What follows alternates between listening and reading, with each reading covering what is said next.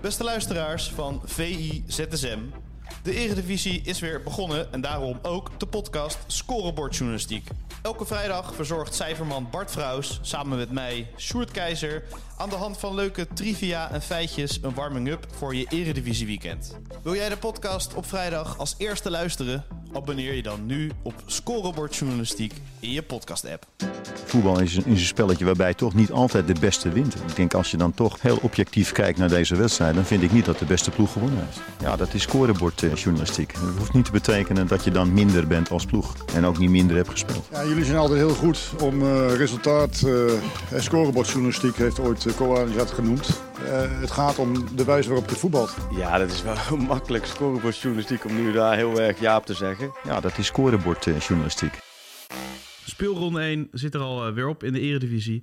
Daarom tijd voor de scorebordjournalistiek, de warming-up voor speelronde nummer 2.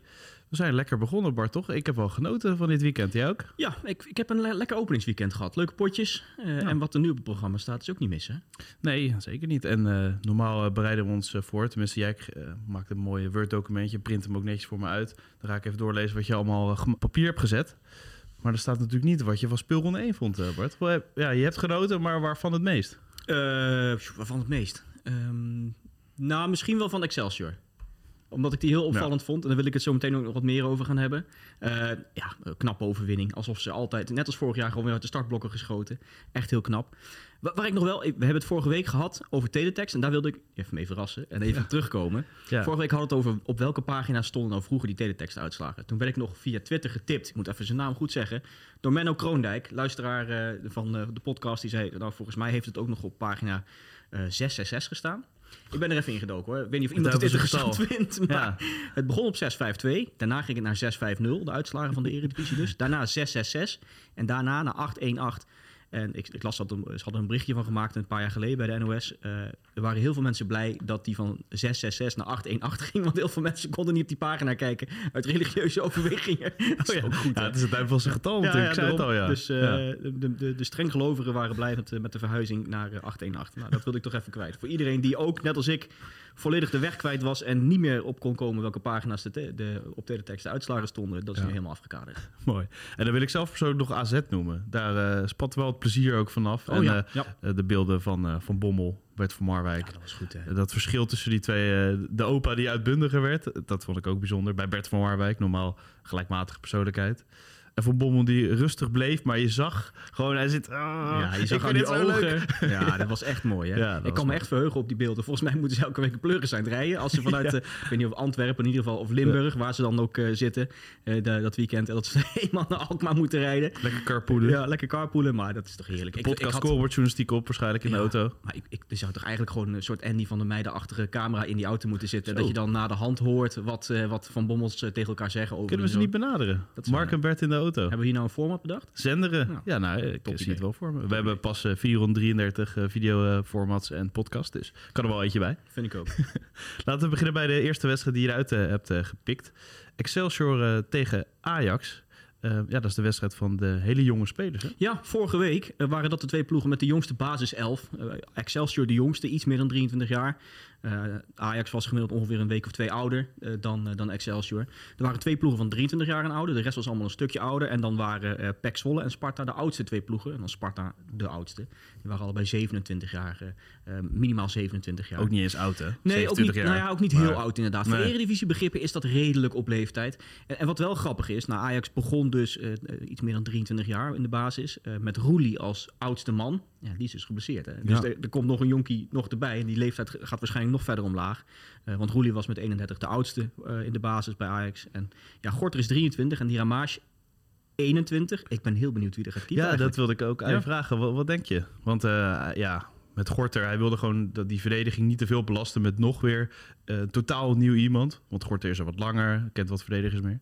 Is dat dan niet logisch dat je hem even een paar wedstrijden de kans geeft? Nou, in ieder geval vorige week. Ik kon wel inkomen in, eh, in het verhaal dat, eh, dat Maar hij ook misschien wel Stijn- meer wedstrijden. Dat zou kunnen, maar Ja. aan de andere kant, hoe lang moet je nou een keeper Hoe lang, wil, hoe lang wil je die in actie zien? Ik snap dat hij volgens, volgens mij had hij het nu over dat hij een half uur pas in actie had gezien. Ja, Op de training, nou ja, daar heb je nu een hele week om, om te kijken of hij een bal tegen kan houden met zijn handen. Dat moet toch wel genoeg zijn, zou je zeggen. Ja. Dus als je hem hebt gehaald en je wil hem als tweede keeper gebruiken, zou je hem nu waarschijnlijk opstellen. En anders eh, gaan we Gorten zien. Stijn Kennedy eh, kiest hij voor Gorten, denk ik. Ja, Ja. ik ben wel nieuwsgierig.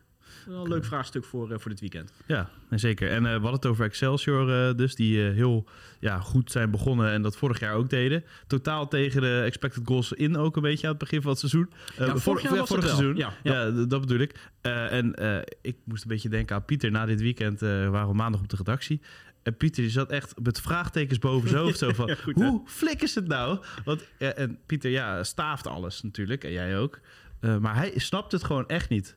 En toen eh, zei Tiemen eh, van der Laan bij ons op de redactie van... ja, misschien zijn ze wel heel goed op het mentale vlak. Waar denk je dat aan kan liggen? Want uit de cijfers kan je het niet echt krijgen. Nou, het enige wat je kunt zeggen is dat ze mes scherp waren. Ja. Zes schoten überhaupt in die Dat wedstrijd. Ze speelden uit bij NEC, ze wonnen met 4-3. Zes schoten, allemaal tussen de palen. Vier erin. Ja, dat is bijna onmogelijk. Ja. Maar het, het lukte toch. Kijk, qua expected goals hadden ze wel... wat, lag een overwinning in de lijn der verwachting. Want Vitesse, of, eh, Vitesse NEC heeft niet heel veel gecreëerd. Eh, dus het, het is niet heel gek dat Excelsior won. Nee. Alleen ja, de manier waarop en, en eh, met, met, maar, met maar zes grote vier keer scoren. En dan bizar. ook nog in de wetenschap dat het vorig jaar bijvoorbeeld bij Cambuur in- tijdens het openingsweekend ook gebeurde. Compleet tegen de verhouding in toe gewonnen. Ja. je gaat toch denken, wat doen ze daar in de zomer? Weet je, je, zou toch denken, als we toch over camera's ophangen hebben, doe er ook even eentje op bij het trainingsveld van Excelsior om te zien wat ze daar in de zomer doen. Yoga, paintballen. Ja, nou ja, hoop, hoop dat soort dingen inderdaad. Ja. en, ja, het, is on- het, is, het is knap. En als hij dan één speler uit moet pikken, dat, was, dat is dan die trio-edge, die rechtsbuiten van Excelsior. Drie hoes heb ik gehoord trouwens. Ja? Ja. Oh, dan moeten we eventjes nog Nou, induiken. eh, de- eh, vriend van mij is commentator bij Rijnmond. En hij eh, had dat uitgezocht, aan hem gevraagd. Dus dus driehoes. En een paar commentatoren vroegen aan hem, is het trio edge of driehoes? Toen heeft hij dat gezegd. Dus, nou, eh, dan we, en iedereen heeft het blijkbaar overgenomen. Dus ik dacht, gaan, we nou, voor nu, gaan, we dat, gaan we dat vanaf nu aanhouden? Weet je ik, ik zeg het gewoon niet maar die waren zich in een soort speeltuin. Hè? Die Ja. Excelsior, Hey. uite- uiteindelijk eh, met, naar correctie 24 geslaagde dribbles tegen NEC. 12 daarvan van Driehoek. Nou zeg ik het goed, toch? Ja, ja, nou, heel goed. Ik leer snel. Eh, nou, dat was het hoogste aantal voor een eredivisie-speler in een wedstrijd in vier jaar tijd. dat is echt eh, Dat- heel het, is- bijzonder. het was absurd wat hij liet zien. Hij rende alles en iedereen voorbij. Dat was ook wel een teken eh, voor NEC dat het conditioneel bij de Nijmegenaren absoluut niet best was. je verwacht dan zo'n speler met zo'n record bij een top 3 club misschien. Nou, misschien wel. Ja. Maar nu, nu, ja, nu liep hij gewoon door de verdediging van NEC alsof er niemand stond. Alsof het van die pionnetjes waren op het trainingsveld. Ehm, en ik vind dat wel leuk om dan zo'n jongen in de gaten te houden. Vorig jaar speelde hij ook al bij Excelsior. Eerlijk gezegd, hij maakte zijn doelpuntjes, gaf het assist. Is me niet helemaal echt opgevallen. Als in van, daar wil ik elke week naar gaan kijken. Maar, maar met zo'n start denk ik toch, dan ga ik dit weekend eens in de gaten houden. Ja, maar waar denk je dat het als schort bij NEC is? Dat dan gewoon slecht beginnen en dan zit het in je hoofd verkeerd? Of is het echt te wijten dan aan zo'n voorbereiding? Nou, ze hebben een waardeloze voorbereiding gehad. Kijk, het Ja. leuke is, NEC won al die oefenwedstrijden. Maar die speelden echt letterlijk tegen teams... Nou, dat was nog net geen, eh, geen bal op het dak 3. ja. Maar dat idee kreeg je wel. Maar Maar Elsinkum, eh, ze speelden het nog tegen amateurs. En nou ja, dat doen wel meer clubs. Maar ja, het, het leek nergens op het voorbereidingsprogramma. En conditioneel was het ook gewoon niet best. Ze werden eruit gelopen, Ja. spelers geblesseerd. Maar kramp in de zaak 50ste voor de, voor de staf, toch? Absoluut. Ja. En daar moeten ze echt iets aan gaan doen de komende weken. Eh, ze, ze kwamen zelf met wat excuses. Daar geloof ik niet veel van. En- Wat voor excuses? Nou, dat ze net zoveel afstand hadden gelopen. Ja, dat is leuk. Maar het gaat ook om de intensiteit van je runs, bijvoorbeeld. Ja. En, nou ja, dat soort, dat soort Ik zaken. heb ook een marathon eh, heel langzaam gelopen. Ja, maar dat is ja. wel dezelfde afstand als de winnaar. Ja, nou, dat is een goed voorbeeld. Ja, dus daar, daar is erg, eh, erg veel werk aan de winkel voor, eh, voor NEC. Ja, bij Ajax is er een nieuwe spits of een 10. Hij krijgt in ieder geval rug nummer 10. Kan daar ook spelen. Ehm, dus wordt toch een beetje voorbereid. Misschien kunnen ze wel samen gaan spelen. Akpom, Chuba Akpom en Brian Robbie. Wat is jouw verwachting? Want bij Middlesbrough eh, heeft hij heel veel doelpunten gemaakt in de spits. Ja, eh, maar ook, eh, daar, daar stond hij ook een beetje op 10. Wat aardig is van die Akpom, je zou kunnen zeggen... het is een beetje een, een one-season wonder. Hij heeft, Ja. hij heeft exact, dat vind ik sowieso al mooi... exact 250 competitiewedstrijden gespeeld in zijn carrière. In de eerste 210 wedstrijden maakte hij 35 goals. In de laatste 40, 28.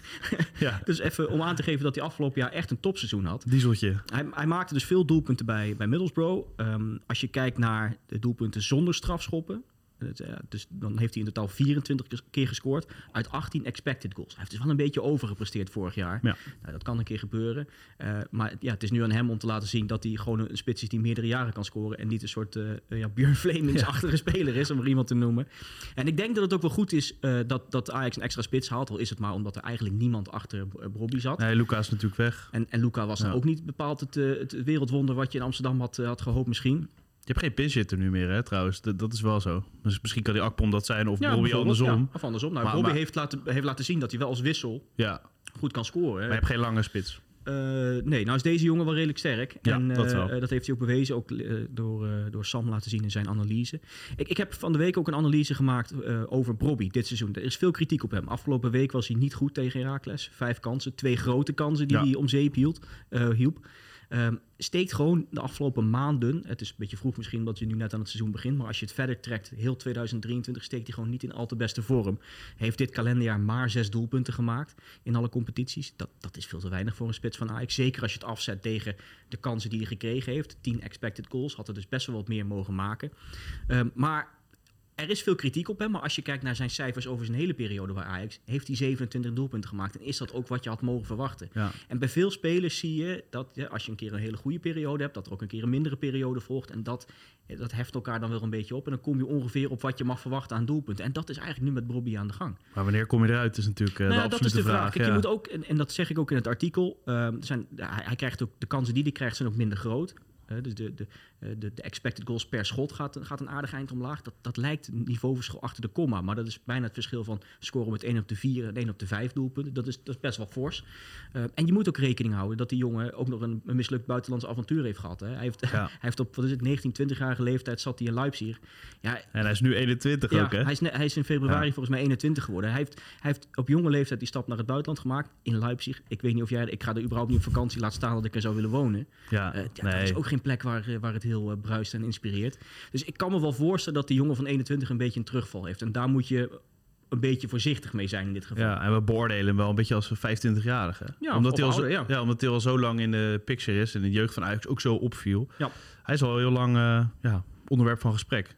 Dus dat, ja, maar uh, wees, niet. Hè, ik zou zeggen, promo, promo op mijn eigen artikel, schaamteloos. Je leest dat artikel waarin je even een beetje de achtergrond leest van hoe het met hem Ja. zit en, en, en wat de redenen zouden kunnen zijn, ook statistisch gezien.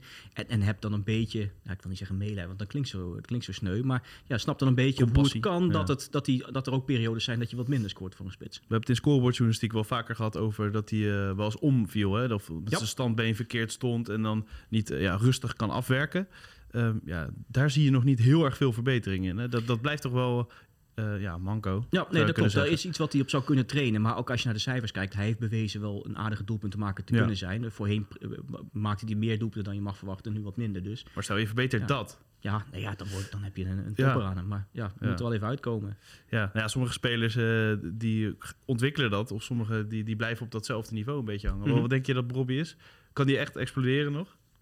Nou ja, Of is dit het? Eh, ja dat, dat hangt af van, van hoe die eh, mentaal ondersteund wordt. Hoe die, eh, of die misschien nu even in de luwte achter Akpom weer even kan, kan ja, bijna bij- op adem kan komen, bij wijze van spreken, om, om weer door, te, door, te, door te stoten naar, naar een basisplek. Zou En- hij geen zin in hebben natuurlijk. Ik zie het interview al voor me. Ik wil Ja. gewoon spelen. Nou ja, dat is ook, ook terecht natuurlijk. Dat Ja. moet je, maar goed, ik, nou ja, ik, ik zie het wel goed komen. Als je ik, puur kijkt naar die cijfers, zie ik het wel goed komen met. Ja, precies.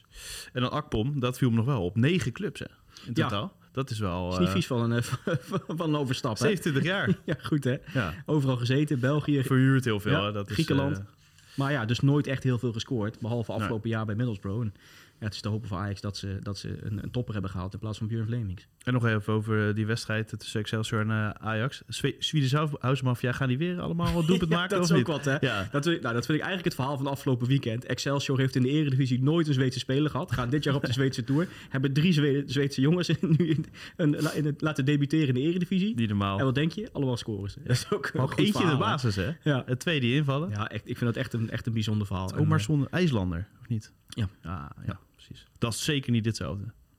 nee, dat moet je niet tegen die gasten zeggen. Dan komen ze achter aan. FC Utrecht eh, tegen SC Heerenveen is de volgende wedstrijd waar je van vindt dat eh, je daar eventjes goed naar moet kijken. Want daar zijn wat leuke feitjes. Ja, nou, kijk, als ik FC Utrecht uh, Heerenveen denk, dan denk ik, nou, dat is een gelijk opgaande wedstrijd. Afgelopen jaren allemaal Ja. een paar keer gewonnen. Wat denk je? Helemaal niet. Nee. nee. Nee, het scheelt 1-1, 2-2, Ja, zoiets. Het, het, het schreeuwt ook dat het... Kijk, een remise kan nog, maar dat ze allebei een keer een potje winnen. Dat zou Ja, je toch maar ja, de laatste 15 wedstrijden heeft Heerenveen niet gewonnen. negen, negen keer winst voor, eh, voor Utrecht, zes keer gelijk. Eh, Utrecht won ook eh, de laatste twee seizoenen alle wedstrijden. De laatste keer dat Heerenveen een competitieduel won eh, met Utrecht was in januari 2015. Je moet echt een eeuwigheid terug. Goals van Slagveer en Larsson toen, wonnen ze 2-1. Ja, is absurd dat het zo lang geleden is, of niet? ja, nee, zeker. Ik zag ook de selectie. Sebastian Haller, eh, Diemers, Ayoub en Duplan bij FC Utrecht. Nou, dat is echt een eeuwigheid geleden. Ja, maar dat was wel goed FC Utrecht. Dat, dat, eh, Absoluut, Dat zeker. absoluut. nee, ja, en eh, dat Heerenveen er dan van wint. Ja, slag, Slagveer is ook echt... Ik heb geen idee meer eh, waar die is. Nee. Sam, Sam Larsson is volgens mij eh, terug. Ja, In, uh, zijn mond vol tanden. zijn geboorteland. Geen idee waar die gebleven is, eerlijk waar. Nee, dat zijn genoeg. Eh, en ja, een nieuwe spits. Dat is toch wel iets om naar uit te kijken. Heb je ook bij deze de juiste eh, officiële spelling en, en hoe je hem uitspreekt of niet? Niculescu? Jon Nicolaescu, volgens mij. Ik- Oké. Die, die heb ik net even geoefend. Bij- je hebt op YouTube kun je al die namen intoetsen. Ja, pronunciation. Ja, eh, en dan kwam, hier kwam er dan eh, Roemeens uit, terwijl die een Moldaviër is. Eh, maar dat kwam er ongeveer uit. Ik heb genoten van die speler. Een mooie goal afgelopen weekend. Ook en ook zo snel. Spits is heerlijk- dat heerlijk, hè? Heerlijk interview na de hand ook. Hè. die gaat daar staan en zegt, nou, ik wil gewoon zoveel doelpunten maken. Ja. En eh, ja, Hoe vaak zie je dat nog? Echte spitsen die alleen maar eh, roepen... Ik moet goals maken. Ja, ik moet goals nou, maken. je hebt het idee dat het, dat het er wel meer zijn, maar ook, ook de manier waarop hij het zei. En Ja, ja, ja. een beetje, ik mag het mij niet zeggen, maar ik kwam een beetje over als een boef. Weet je wel, van eh, ik, kom hier eventjes wat Ja. doelpuntjes Ja, mee ik zei het voor de podcast. Een beetje Matteo Kesman. Op, op die manier. Ja, goed hè. Leven Eh, voor goals. Komt niet heel vaak voor dat een speler van Herenveen in zijn eerste twee wedstrijden scoort. Dus dat is iets om in de gaten te houden of, eh, of onze vriend Jon dat wel lukt. Als dat lukt, dan komt hij onder andere in een rijtje staan met Klaas-Jan Huntelaar en Afonso Alves. Dan maak je er ook meteen 30 dus. die, die waren aardig goed. Hè? dus, Dus, als die scoort, er, staan, wordt hij topscorer. er staan nog drie andere namen Ja, in. ja. Maarten de Jong, Jis Hoornkamp en Jesper Haakansson. Daar hebben we niet heel veel meer van gehoord. Behalve Haakansson, dat hij heel goed was in mijn voetbalmanager save, eh, save game. Nou, dat Ja? is 15 jaar geleden, denk ik. dat Dat was, heel goed, maar ja, daar heb je, wij nu helemaal niks meer Speel je aan. nog steeds voetbalmanager? Nee, niet? lang niet meer. Nee? Nee, nee. Te verslavend. Ja, Verantwoordelijkheden veel te. Veel te moeilijk. Heel af en toe. Ja, je hebt nu twee kinderen, dat- maar geef, je krijgt wat minder tijd. Ja. Maar voorheen eh, vond ik het nog leuk om... Het is een soort eh, game tip tussendoor. Championship Manager 0102. Daar kun je nog steeds updates voor downloaden. Als je een keer een vrije avond hebt en je hebt echt niks te doen... eh, Je bent ook zo door een seizoen heen. Je kunt nog steeds dat spel spelen. Het ziet er, ziet er gewoon heel gaar uit. Maar nog steeds met updates van, eh, van spelers van nu. Dus dat is even de, de, de game tip van de week. Laten we hier geen rubriek van maken. Mooi. Maar mocht je wat niks te doen hebben, is dat een, eh, is dat een aardig uitje. En ik werd een beetje de, de, af- het afgelopen weekend een beetje teruggetrokken in de tijd van, van de F'jes. Hè? Want Kees van Wonder had het over dat ze de tweede helft hadden verloren. Ja, hebben was de eerste helft gewonnen, maar de tweede helft machtig verloren. mooi. Ja. Ja, ik, ik snap het ook wel, want die tweede helft waren ze ook veel slechter. Eh, In cijfers viel er dus wel mee, hè? ja. Ja, ja, maar voor je, voor je gevoel Ja, dat was het wel zo. Mag ik trouwens eh, even nog een uitstekende quote van, eh, van hem oplezen? Op basis van de uitslag kunnen jullie mij en het team de credits geven, want we winnen met 3 van RKC. Maar dat is ook scorebordjournalistiek. Hij zei het echt, hè? Hij Mooi, luistert, eigenlijk, hij moeten denk ik. eigenlijk moeten we het coachje eventjes pakken. Ja. Ik heb er sowieso in een paar podcasts de afgelopen tijd eh, voorbij horen komen. Scorebordjournalistiek. Ja, ik zit bij van AD NOS allemaal eventjes te luisteren. Volgens mij heb ik dat eh, een paar keer voorbij horen komen. Wat hij nog zei, eh, dat ze in de, in de tweede helft één ding goed hadden gedaan. Dat was een ingooi. Ik vind het toch leuk om even te checken. Ze hebben die hele wedstrijd vijf keer, in- 15 keer een ingooi gehad. Kwamen gewoon allemaal aan bij mijn ploeggenoten. hè. Dus ik weet niet wat hij nou loopt te zeuren. Ja, Kees van Wonderen kan wel lekker een zaggerijnige eh, meester zijn, hè? Ja. Eh, die, bij, bij Gim die gewoon zegt, eh, als je zogenaamd een blessure vindt, nee, je doet gewoon mee. Hij, eh, ja, een echte voetbaltrainer. Dat Ja. vind ik wel mooi. Die klassieke trainers heb je niet heel vaak meer. Hey, leuk, leuk potje dit. En het zou toch leuk zijn als Heerenveen een keer wint? Vind je niet? Gewoon voor de verandering. Ja, gewoon alsmaar voor de verandering. Dan ko- komen we, daar, komen we daarop terug.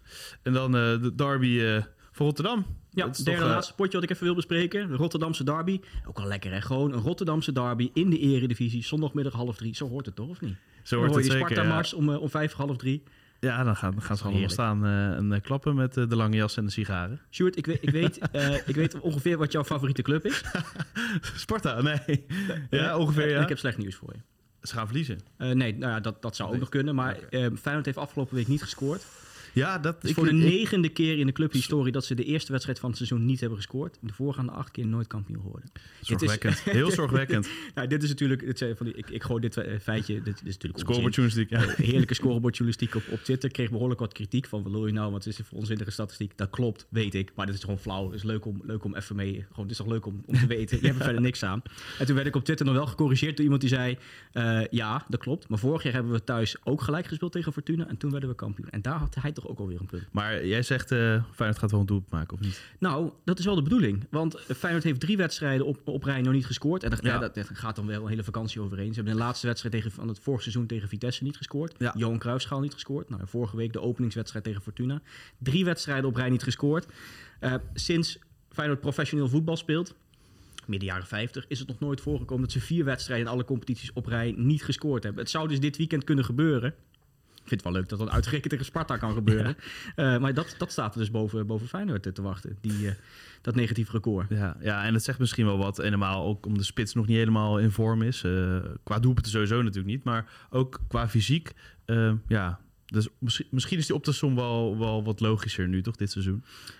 Dat het, dat het lastiger gaat bij Feyenoord. Ja, ja om- omdat gewoon de puzzel op middenveld nog niet valt. Jiménez nog niet fit is. Mhm. Er zijn gewoon veel vraagtekens. Stanks ook nog niet de hele wedstrijd kan spelen. Ja, al was dat vorig jaar natuurlijk ook het geval. En Ja, toen ging het het wel goed. En Ja, nu, ja, ja. eh, ja, eh, nu dan niet. Eh, Jiménez was inderdaad, of, ja, dat was een beetje de, de dissonant afgelopen week. Je zag hem amper. Eh, uiteindelijk Penalty moment daar, toen, toen was hij er goed langs. Maar- ja, eh, uiteindelijk drie schoten. Niet één tussen de palen. Eh, Ja. ook, wij, ook maar twee balcontacten in het strafschopgebied van de tegenstander. Ook omdat dat, dat andere balcontact waar hij die penalty Ja. moment uitkwam, dus net buiten was. Eh, maar hij was gewoon niet zo aanwezig. En dat, dat miste je bij Feyenoord.